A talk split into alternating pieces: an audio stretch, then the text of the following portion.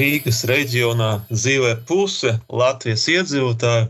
Šeit atrodas divas trešdaļas Latvijas ekonomikas. Atstājot novārtā attīstību Rīgā, Latvijā nevar pieņemties spēkā. Tas tā ir jebkurā jomā, pārticībā, drošībā, uzticēšanos cilvēku starpā, Ja Rīga šajās jomās klibo, arī Latvijas sniegums nebūs izcils.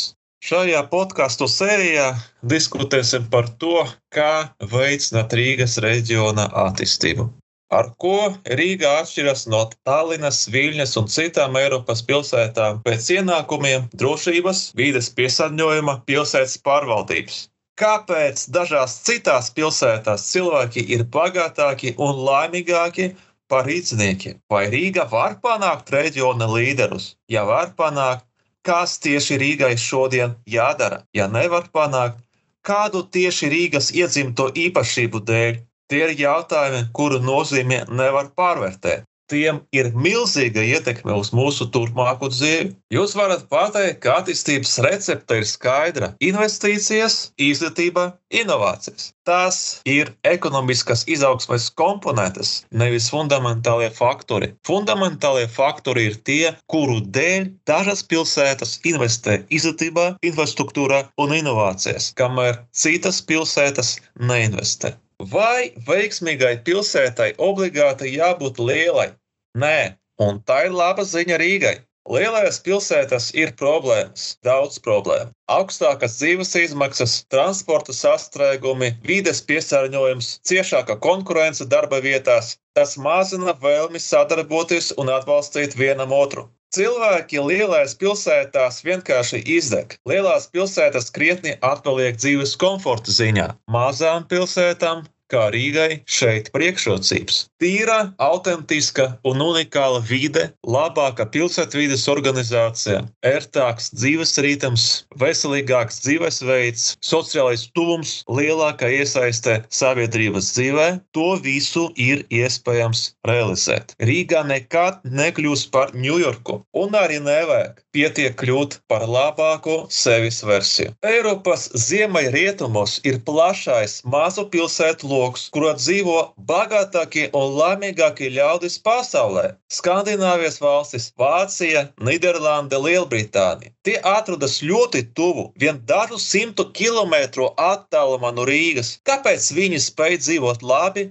Bet mēs nē. Kas mums ir jāizdara šodien, lai ātri celtu dzīves kvalitāti Rīgā, līdz Skandināvijas līmenim. Par to mēs diskutēsim podkāstos. Kas ir dzīves kvalitāte pilsētā? Tas ir tas, kā mēs jūtamies pilsētā. Dažādi dzīves kvalitātes elementi ir cieši saistīti viens ar otru. Piemēram, slikta veselība mazina apmierinātību ar darbu, ienākumiem, mājokļa apkārtni, drošību, kultūras dzīvi pilsētā. Bet kāpēc slikta veselība? Var jau būt autotransporta izraisīta gaisa un trokšņa piesārņojuma dēļ, tad jāmazina automašīnu skaits pilsētā. Bet kas, ja privātam auto vienkārši nav alternatīvas, jo sabiedriskais transports kursē reti un vēl transporta infrastruktūras gandrīz vai nav, nevar uzlabot vienu konkrētu dzīves kvalitātes radītāju pilsētā, nepieskaroties arī citām jomām. Ir nepieciešami kompleksi risinājumi. Katrā pilsētā šie risinājumi būs atšķirīgi atšķirīgi. Šajos podkāstos runāsim par to,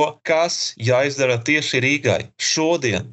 Man ir sapnis par to, kādai jābūt Rīgai jau tuvākajā nākotnē. Neapšaubāmi runāsim par pilsētas ekonomisko izaugsmi, tomēr viena pati ekonomiska izaugsme nepadara cilvēkus laimīgus. Iekšzemes koprodukta pieauguma procenti nepasargā pilsētas no iedzīvotāju aizplūšanas. Tas skaidri redzams hrestomatiskajos piemēros par Lodzu vai Ostravu. Par spīti spraigai ekonomikas izaugsmai, iedzīvotāju skaits šajās pilsētās nemitīgi samazinās. Arī Rīgā iedzīvotāju skaits samazinās. Ja turpināsies depopulācija, kā līdz šim, visas šīs pilsētvidas diemžēl nolemtas degradācijai. Ja nav iedzīvotāju, kam šo pilsētvidi vajag. Nav iedzīvotāju, nav arī ienākumu, par ko uzturēt savu vietu infrastruktūru. Kas, ja iedzīvotāju skaits Rīgā krīt, tāpēc, ka daudz cilvēku nav apmierināti ar dzīvi pilsētā,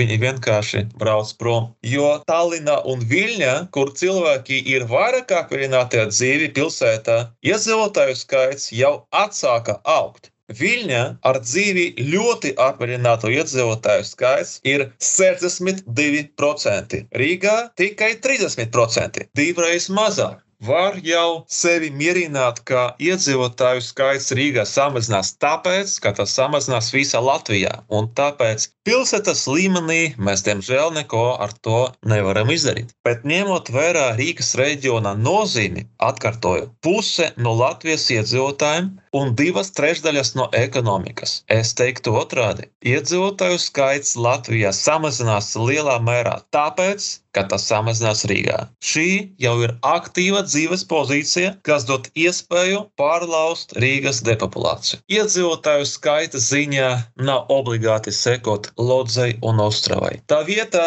var sekot Liverpoolai un Leipzigai, pilsētām, kuras iedzīvotāju skaits samazinājās 40-50 gadus, bet šobrīd iedzīvotāju skaits atkal aug. Bez šaubām, Liverpoolē un Leipzigā notika milzīga transformācija, taču šī transformācija nenotika pati no sevis. Eiropas ziemeļrietumu daļā, dažu simtu kilometru attālumā no Rīgas, dzīvo bagātākie un laimīgākie ļaudis pasaulē, kas mūsu pilsētā rada lielisku piemēru. Un mūsu spēkos ir celt dzīves kvalitāti pilsētā pat ar pašreizējo ienākumu līmeni. Turpinājums sekos.